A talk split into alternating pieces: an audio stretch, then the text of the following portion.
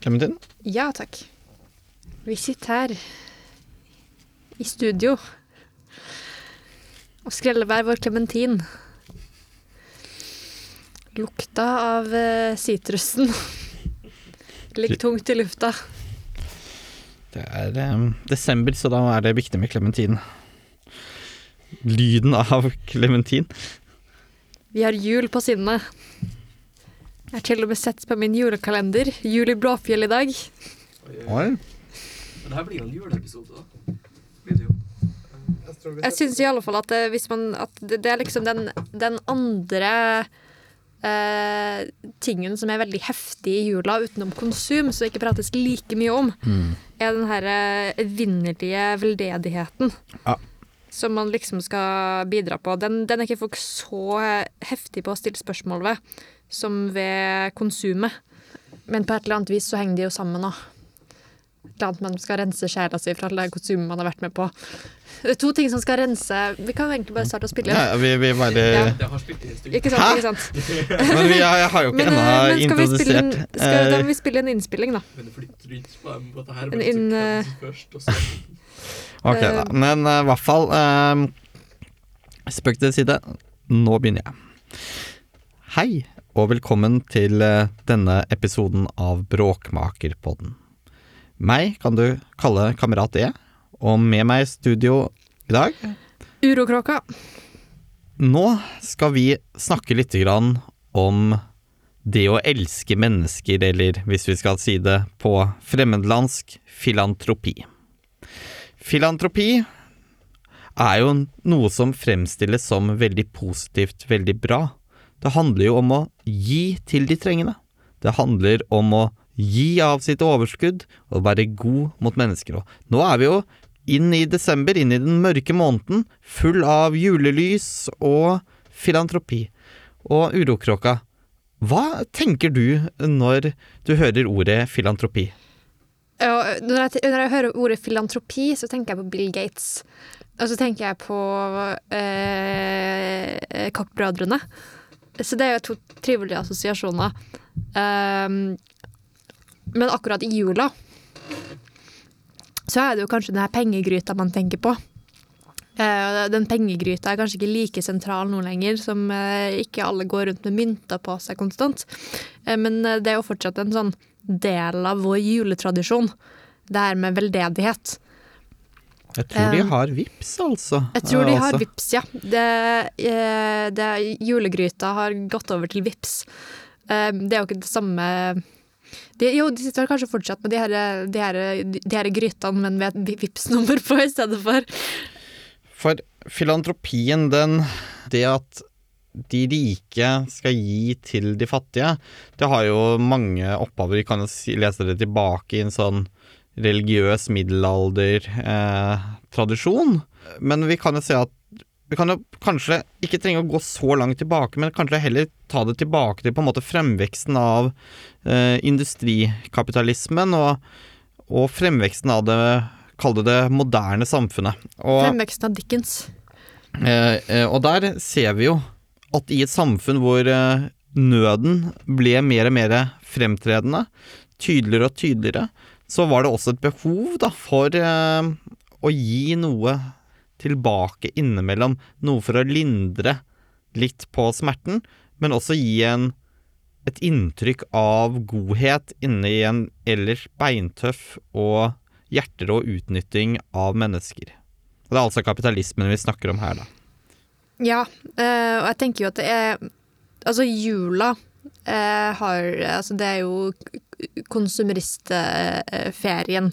Eh, konsumeristhøytida.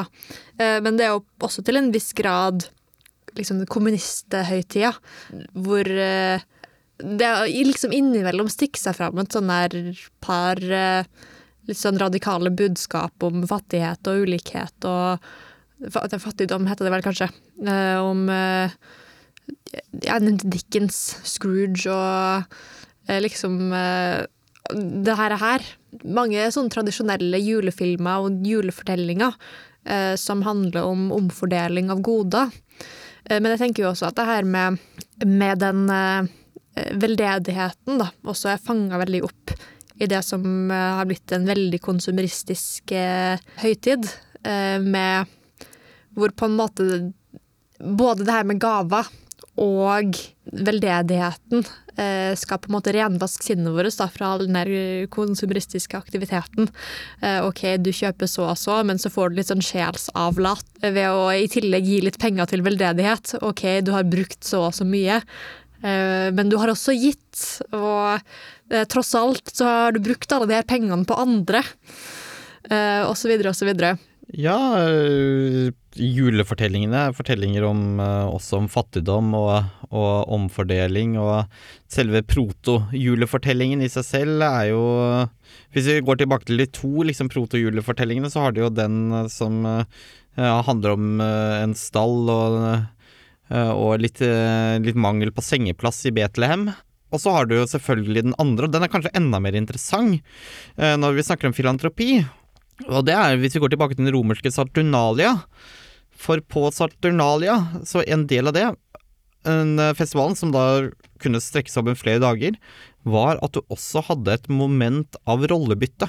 Det var en av de festivalene hvor de rike, de som eide slaver, skulle tjene for sine slaver. Så for én dag i året så skulle slavene få lov til å ligge til bords og bli, gå i fine klær og bli oppvartet av sine herrer. Så kan de tolerere posisjonen sin resten av året. Ja, resten av året var det ikke noe bønn. Eh, og den, på en måte, tradisjonen, den har på en måte blitt brakt med videre inn i den på en måte kristne juletradisjonen, men som også da har kommet i sin postkristne, kapitalistiske versjon om at man skal være ekstra snill i jula. Spesielt når denne snillheten i det store og hele egentlig bare bidrar enda mer til å øke egentlig konsumtakten, siden at de pengene som da går inn, brukes jo da til å gjerne kjøpe enda mer fra de samme produsentene, så det er litt sånn at den ene hånda gir, og den andre hånda tar tilbake igjen. Eh, sånn som det stort sett alltid er med kapitalismen og den formen for økonomisk eh, logikk, da. Det er vel også ytterst få som ikke har på en måte fått med seg de her skandalene av eh, det som har vært liksom de store veldedighetsprosjektene av forrige århundre. Live Aid og Band Aid og gud vet hva. Ble det ikke noe helt fantastisk musikk ut av det der, da? Jo, men akkurat sjanger. det å hjelpe de trengende med noe, med noe annet enn musikk, eh, var ikke så veldig vellykka. Og det man også har sett med sånn kontinentet Afrika, er jo at eh, industrien av veldedighet eh, er jo en del av det samme maskineriet som eh, suger langt mer penger ut enn det som kommer inn. Så all, all den der politikken har jo vært Jeg vil ikke nødvendigvis si feilslått. Um, jeg har jo bodd en, en stund i England, uh, og der var det jo også på 80-tallet uh, noe som het nyliberalisme. Med ei fin sånn snasen dame uh, som het et eller annet uh, Maggie. Um, Maggie Thatcher, uh, den godeste dronninga. There is no alternative. Var det ikke det hun mente, da? Litt sånn freidig? Ja, det andre var jo det her med at stat, staten skal være mindre, og at privat initiativ det skal fram, ikke sant. Og det man har gjort der, er jo å, eksempel, er jo å ta veldig mange ting som tidligere var statens oppgave, og gjøre det til veldedighetens oppgave. Det her, det her finner folk ut av sjøl, liksom. Det her kan private ta seg av. For eksempel en ting som vi ikke ser så veldig mye av i Norge, men utrolig, utrolig mye av i England, er jo for eksempel at kreftresearch eh, hovedsakelig skjer gjennom eh, veldedighet, da. Og særlig sånn her overalt i England. På hvert eneste lille gatehjørne, og sikkert 10-20 av dem opp langs gata. Nesten an- annenhver butikk du ser, er jo en charity shop eh, med eh, Vi kan ikke si det liksom det gentrifiserte utvalget til, eh, til sånn litt hippere klesbutikker med bruktklær, men heller litt sånn rart assortiment av tekopper som samler inn penger til ulike formål, eh, som da før den nyliberale butikken, politikken ble ført, eh, regjeringa betalte for. Eh, og nå er de her søte små damene som eh, eh, som jobber i de butikkene sin oppgave, da, og sørge at folk ikke dør fra, for, eh, fra kreft. Men, men vi, har jo, vi, har jo, vi har jo dette, eller på en annen måte i Norge òg. De, de vanligste liksom å gi eh, minnegaver i begravelser er jo nettopp til eh, bl.a. kreftforskning eller forskjellige veldedige NGO-er. Eh, og når det kommer til da, dette, apropos dette kreftforskning, så har det jo her også Den norske kreftforening. Eh, en tidvis litt moral, moraliserende, lett moraliserende, det tror jeg vi kan si uten å tolke det verken negativt eller positivt om dem, organisasjon. Men også en organisasjon som kanaliserer mange mange millioner kroner inn i kreftforskning. Som de også på et eller annet vis legger noen føringer og premisser for hvilken type forskning er det man skal gjøre. For eksempel har det nå de senere årene vært kanskje et overdrevent, det høres jo litt sånn brutalt ut å si det, men fokus på enkelte kreftformer som, har, som rammer mange men kanskje mer sjeldne eh, former for kreft og sykdom, som ikke rammer så mange, men som kan eh, være minst like dødbringende, eh, ikke eh, blir på en måte satt under den samme eh, forskning på, da. Nettopp av det at disse private midlene kanaliseres. Så kan Ja. det også nevnes da de virkelig superrike. Du nevnte jo Bill Gates innledningsvis. Vi har jo et par her, eh, her hjemme på Bergå. Vi har jo en hvis Trond Moe, bergenser, eh, støttespiller av Arbeiderpartiet, av alle politiske partier, og eh, en av dem som har donert mest penger til norsk eh, helse av alle privatpersoner gjennom tidene. Han har bidratt bl.a. til at det også her i Trondheim har kommet nye kreftskannere på eh, universitetssykehuset eh, St. Olavs. Ja. Og vi ser at i Norge så er det jo, og det her gjorde jo forrige regjeringa eh, enda mer med, eh, men det er jo en sånn gaveforsterkningspraksis som gjør at når private donerer penger til, eh, til det offentlige, så følger det offentlige opp med å gi enda mer penger til de prosjektene som får ekstra støtte. Dette har vi sett innenfor helse og forskning. Eh, og, hvilket og da kan man bare ryste på hodet og lure på ok, men hvor er de faglige prioriteringene oppi det eller? Så sier man at ja, men det er faglige prioriteringer, men er det egentlig faglige prioriteringer og faglig uavhengighet? Det som også skjer når, eh, når man donerer midler, eh, er jo at de blir juridisk bundet opp mot det formålet. Så det er jo veldig veldig mange eksempler rundt omkring på Jeg prata med en eller annen fyr som jobba med eh, eh, Kona hans uh, jobba med sånn veldedighetsfond, da. Og, eh, så han kunne veldig mye da, om eh, de her ulike typene eh, fond som ligger rundt omkring. da eh, og juridisk sett ikke har lov til å bli brukt på noe annet. Og det er veldig veldig mange sånne eh, hauger med penger rundt omkring eh, som er til sånn helt utdaterte ting som ikke har vært et problem siden 1800-tallet. Eh, for eksempel er det veldig veldig mye penger eh, til eh, hesters velferd eh, når de reiser langs vei eh, i England, som, som man teknisk sett da kan søke om. Fordi det var veldig trendy en periode da, å etterlate all sin eiendom og rikdom til hesters velferd uh, på reise.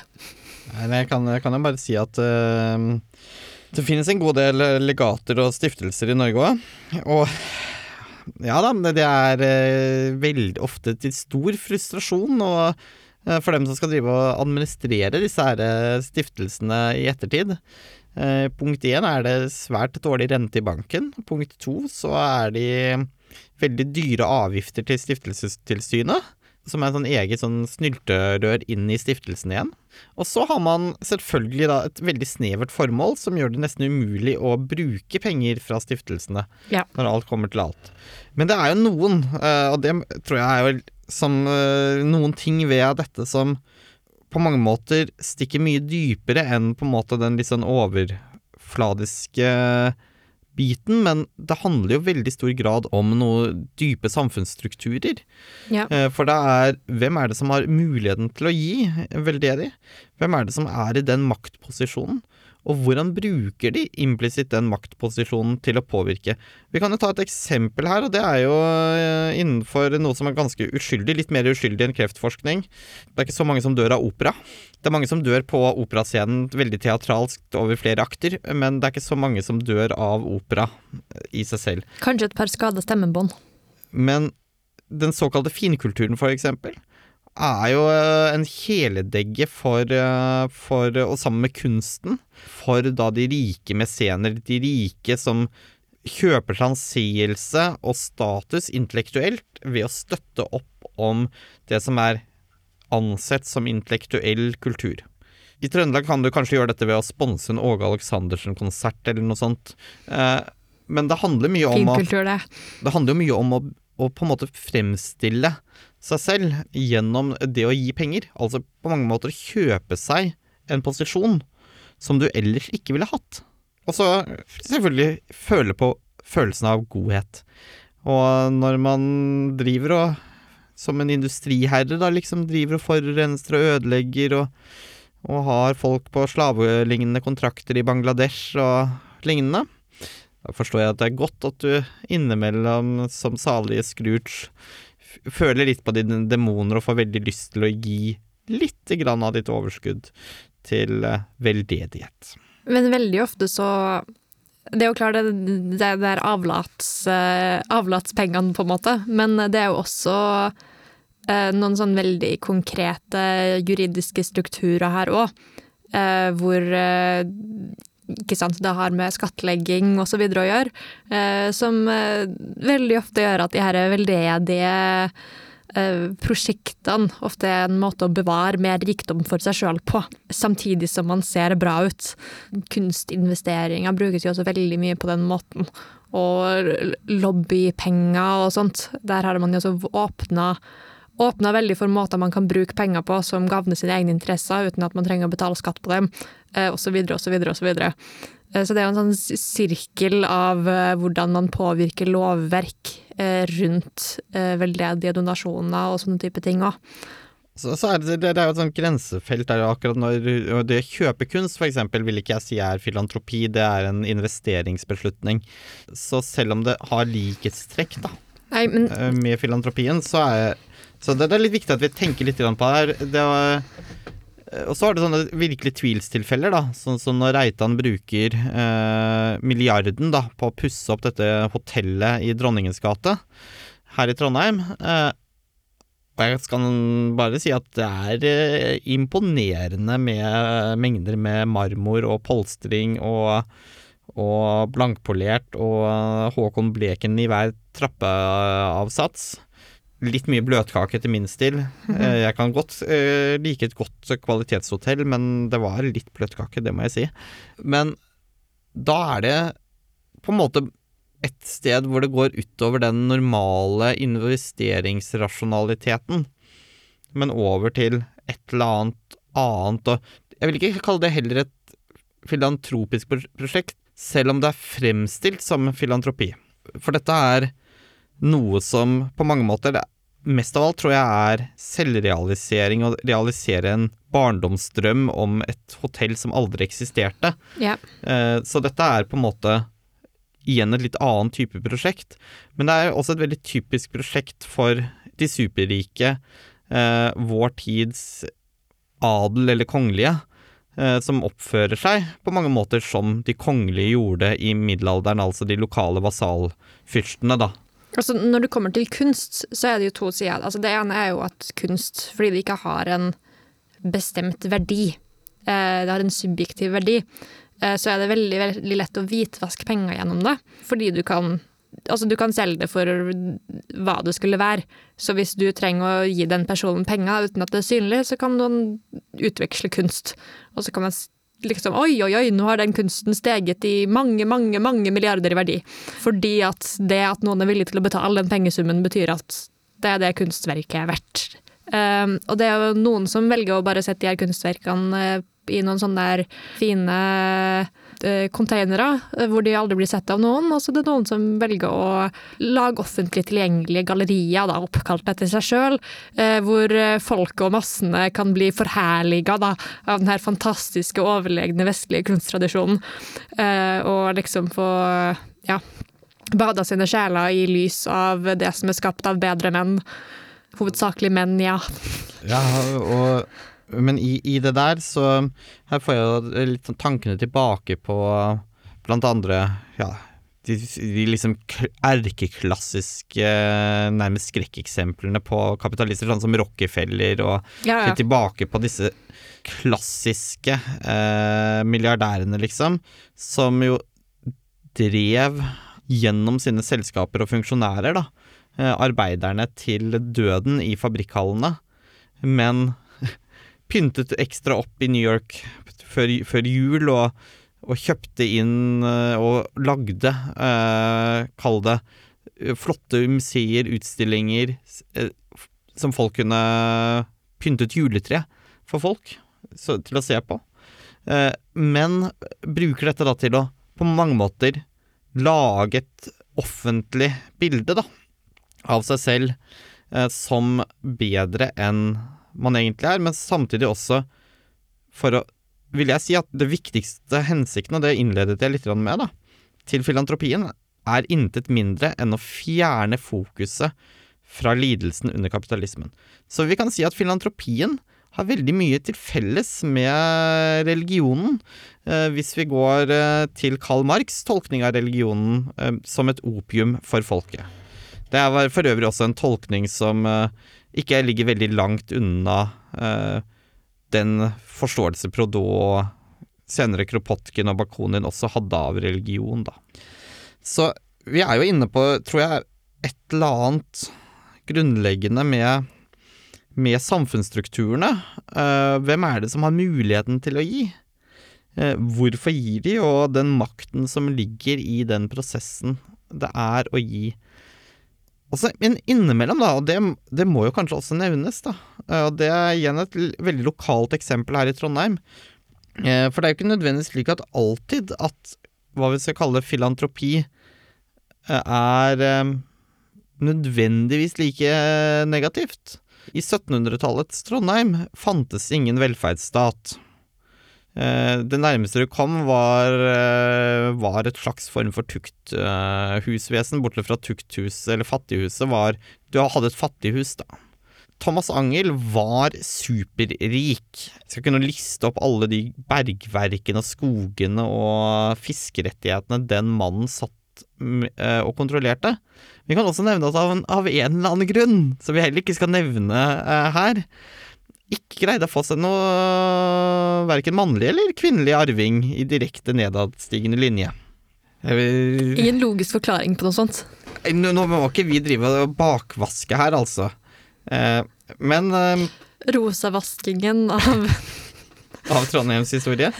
Men Thomas Angel i hvert fall eh, valgte å donere sjokkerende hele sin formue til byens fattige. Og så ga han et lite plaster på såret til sine andre slektninger, da. At de også skulle få lov til å bli begravet inne i Nidarosdomen. Men akkurat i den handlingen der, det er jo faktisk noe som, i fraværet da, av en velferdsstat, har gavnet veldig mange. Men så skal vi også her ikke glemme at dette her var noe som Thomas Angel kanskje gjorde av godhet, kanskje gjorde av en fornuft. Eller, Kanskje gjorde av hat for sine slektninger. Det skal ikke utelukkes. Og eh, på toppen av det hele kanskje også gjorde av frykt for eh, hva som kunne skje i det hinsidige etter livets slutt. For dette er jo testamentet, så dette er jo Han hadde jo ikke noe på denne jord, i hvert fall glede av sitt eget testamente etter sin død. Men i den handlingen så ble jo grunnlaget for moderne utdanning i, i Trondheim lagt. Det første vannverket ble opprettet. Fattighuset. Eh, og for øvrig dette her fantastiske institusjonen for eh, rike enker, som ikke var så rike lenger, eh, men fortsatt var av en ærebar stand, og derfor måtte ha sitt eget hus rett oppe ved domkirken. Den, det eksisterer jo fortsatt, og fortsatt så eier jo dette her legatet, denne stiftelsen, da, eier jo fortsatt mesteparten av Selbu kommune. Eh, det er svære skogeiendommer eh, som ligger der, og som finansierer dette her gamlehjemmet. Eller eldreboligen, eller hva vi skal kalle det, da. Det er jo litt mer langsiktig å etterlate pengene sine til fattige enn til hester på vei, da.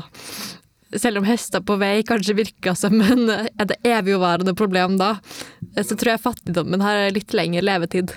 Men vi skal ikke her underkommunisere at i det du sier der, så er det veldig mange i dag som donerer penger, både pri- folk som er veldig rike, men også en del som ikke er fullt så rike, til eh, typisk dyre, dyrebeskyttelsestiltak.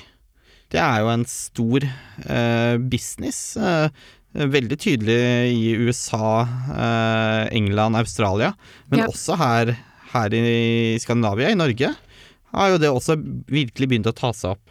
Så vi ser jo det er noen sånne mekanismer, og ikke minst også rundt NGO-ene. Og da, da er vi inne på et sånt felt hvor grensen mellom aktivisme på en måte og det grasrotengasjementet og på en måte de rike NGO-ene, eh, som støttes av filantroper, eh, er, en, er et sånt felt som, eh, som på et eller annet vis kanskje burde vært diskutert enda mer i den norske offentligheten. Man ser jo veldig I England er det jo veldig typisk, så vidt jeg har forstått, med disse her eh, NGO-ene som er, har noen sånne rike eller mektige beskyttere som donerer penger. Og vi kan jo si at det er mye bra aktivisme også fra en del av disse, men det er også mye som ikke nødvendigvis bringer verden så veldig mye fremover. Det, altså det er veldig typisk i England. Og det her er jo også noe som har vært utforska en del av Jeg husker ikke hva hun akademikeren heter igjen, men hun som skrev om eh, the NGOification. Uh, et eller annet. Jeg husker ikke undertittelen. At veldig mange av de her tiltakene slår seg sjøl litt i hjel. Eh, og det er også sånn politikken aktivt er i England, at eh, når eh, et behov er fylt av veldedighet, så trekkes penger fra regjeringa sin side. I motsetning til liksom, hvis folk gir masse, så gir regjeringa mer. Eller så svarer regjeringa det. Så er det litt mer sånn Oi, ja, nei, men nå er Hvis du samler inn alle pengene gjennom veldedighet, så slipper regjeringa å betale for det. Så det, ble al- det blir liksom aldri noe mer penger til de tingene. Det er bare noen som kommer fra en annen kilde, og så føler alle at de har gjort noe veldig fint. Eh, og så har de gjort bok- bokstavelig talt null forskjell i kroner og ører som har gått til den saken. Også når du kommer til det her eh, Jeg prata med en eh, akademiker på instituttet mitt i England som hadde skrevet spesifikt om de her charity shops, da. Og det ene var jo det med at de ikke utgjør noen faktisk forskjell for de sakene de samler inn penger for. Og et annet er jo den korrupsjonen og mishandling av arbeidskraft og makt og sånt som foregår på hvert eneste nivå i de bedriftene der, i tillegg til liksom også hvordan Altså det var ikke noe særlig miljøvennlig heller, med de her eh, gjenbrukstingene osv. Det var så utrolig mye dumping og liksom uansvarlig håndtering av ting man får donert. Og, så det, det er virkelig, virkelig en skitten industri fra ende til annen. Uh, altså, når jeg, var, når jeg var ferdig med den samtalen med henne, så satt jeg igjen med liksom følelsen av djevelens verk. Og det er jo litt det hun beskriver også med den derre NGOification, at om ikke alltid direkte ondskapsfullt, uh, så er det jo veldig sånn at med en gang noe, en nisje blir fylt av en eh, Hun snakker jo mye om eksempel sånn eh, i krigsherja soner og sånt humanitært arbeid og den type ting. Eh, man ser på sikt at det eh, som blir gjort humanitært, eh, egentlig, hvis det ikke hadde vært en humanitær organisasjon, blir gjort på eh, bakkeplan av folk som er der, og at de lokale tiltakene forsvinner da, eh, når det kommer en, eh, ja, en utenlandsk organisasjon eh, og gjør arbeidet i stedet for. Og så kan vi jo også si et eller annet om det her, det her humane ansiktet da, på lidelse. Det er en fin Star Trek-episode. Ja, og... Alt kan trekkes tilbake til en Star Trek-episode. ja er eller, eller, til Bibelen. Eh, Ja. eh, Eh, det, men det, det, er en, fin Star Trek-episode om, om krig. Uh, hvor eh, det er da to sivilisasjoner som har kriga med hverandre i all evighet. Uh, fordi de har eh, Omtrent. Eh, fordi de har eh, klart å eh, ta bort all lidelsen fra krig. De kriger teoretisk. som på et slags sånn hypotetisk sjakkbrett. Og så har de en sånn der kontrakt på at sant, hvis noen, de har utført et hypotetisk angrep, så skal de som ble drept i det hypotetiske angrepet, frivillig ta sitt liv. Og så blir du kvitt Da, du, da blir du kvitt alle lidelsen da, ved krig. Du får bare liksom døden. Og på grunn av det eh, at de, ikke har den lidelsen, utenom det at du kontinuerlig mister dine nærmeste, på et veldig sånn kynisk og kalkulert vis, eh, så har de ikke hatt noe insentiv da, til å avslutte denne krigen, som har vart i hundrevis på hundrevis av år. Um, og det er jo noe med også det at hvis noe blir jævlig nok, eh, så har du et eh, virkelig insentiv til å stoppe det. Ja, og det her, det her er, det følger jeg litt tilbake igjen til den, eh, la oss si, opium for folket-tesen, da. ikke sant? Eh, men, men så er det Jeg har litt mer eh, på dette her, og i det siste Tenk litt mer på hva betyr den der hverdagsfilantropien, den som vanlige, kall det, folk gjør? Og jeg vet jo at det er veldig mange, spesielt marxist-leninister, som hater begrepet middelklasse. Men kanskje, vi er nå, er, kanskje jeg nå er på sporet av å definere en middelklasse, nemlig de som egentlig er arbeiderklasse, men som gir bidrag til filantropi. For det skjer noe med hodet ditt, og hvordan du ser på deg selv, hvordan du selvidentifiserer når du er den som gir. I hvert fall når du gir på en filantropisk måte. Selvfølgelig er det forskjellen på filantropi og på solidaritet, men jeg tror det er interessant å gå inn og følge den utviklingen, og liksom hva er det Hva vil dette si? Hva skjer egentlig med oss når vi blir en giver og en bidragsyter inn i filantropien? Jo, vi føler at vi gjør noe godt, men vi distanserer oss også fra løsninger på problemene. Vi driver og lapper på sår, eh, men vi bryr oss ikke om hva sårene er forårsaket av. Og da tror jeg vi er tilbake igjen til starten, og da er det en fin måte å avrunde, tror jeg, denne eh, lille førjulspraten om filantropi. Men Ja. kanskje du har et par avsluttende poeng? Jeg har et, et avsluttende poeng. Eh, For å dra det hele tilbake til anarkistiske tanker tanke, da. Eh, ja, vi måtte innom anarkismen her også, ja. Ikke sant? Eh, som du sier, kamerat E, eh, så er det et maktforhold da, implisitt i det her med, med veldedighet, med filantropi. Det er en giver, og det er en mottaker. Eh, og det her er jo da kontrasten til det man eh, i anarkismen kaller mutual aid. At man hjelper hverandre som eh, likestilte. Og begge kan få den gleden av å være til nytte for hverandre. Og da Da tror jeg at vi avrunder der. Takk for at du valgte å lytte på Bråkmakerpodden, og på Urokråka og meg selv, kamerat E, på våre drøftinger, tankesprang fra hester til katedralbyggere. Og en stor takk til eh, vår kamerat Felix, som har sittet ved spaken, eller i hvert fall ved datamaskinen, med noen knotter, og prøvd å få en akseptabel, tålelig lyd her på vårt eh, lille, selvbygde lydstudio på Uffa i Trondheim. Gledelig førjulstid. Nå burde vi hatt litt sånn over i bakgrunnen.